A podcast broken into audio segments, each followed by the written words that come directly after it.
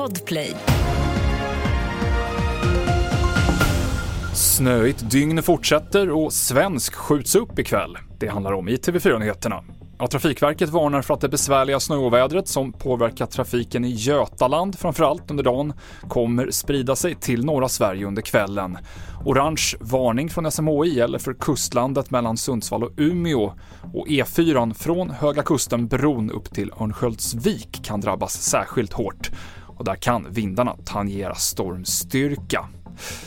Vidare till handbolls-EM i Tyskland som nu går in i den så kallade mellanrundan. Och Sverige, som hittills är obesegrat, ställs ikväll mot Slovenien. De har eh, massor med bra spelare. Man har en eh, spelmotor som heter Bombac, vilket jag älskar namnet också. Eh, men det är ett mycket kompetent lag som kommer att ställa till problem för Sverige, men men jag går alltid in med tanken att när man ser Sverige spela med de här fina spelarna som man har så har Sverige en mycket god chans att kunna vara med och fightas. Sa Claes Hellgren, expertkommentator på Viaplay. Ikväll så blir Linköpingsbon Marcus Wandt den tredje svensken i rymden.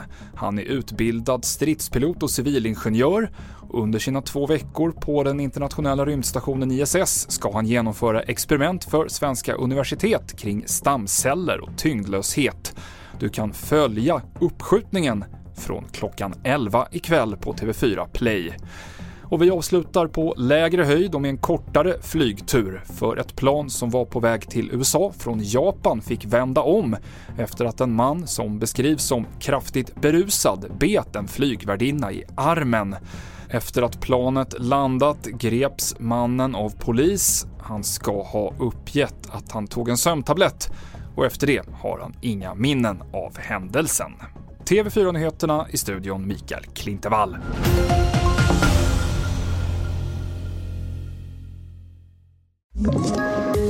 Poddtips från Podplay. I fallen jag aldrig glömmer djupdyker Hasse Aro i arbetet bakom några av Sveriges mest uppseendeväckande brottsutredningar. Går vi in med hemlig telefonavlyssning och, och då upplever vi att vi får en total förändring av hans beteende. Vad är det som händer nu? Vem är det som läcker?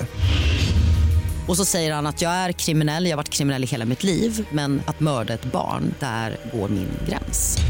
Nya säsongen av Fallen jag aldrig glömmer på Podplay.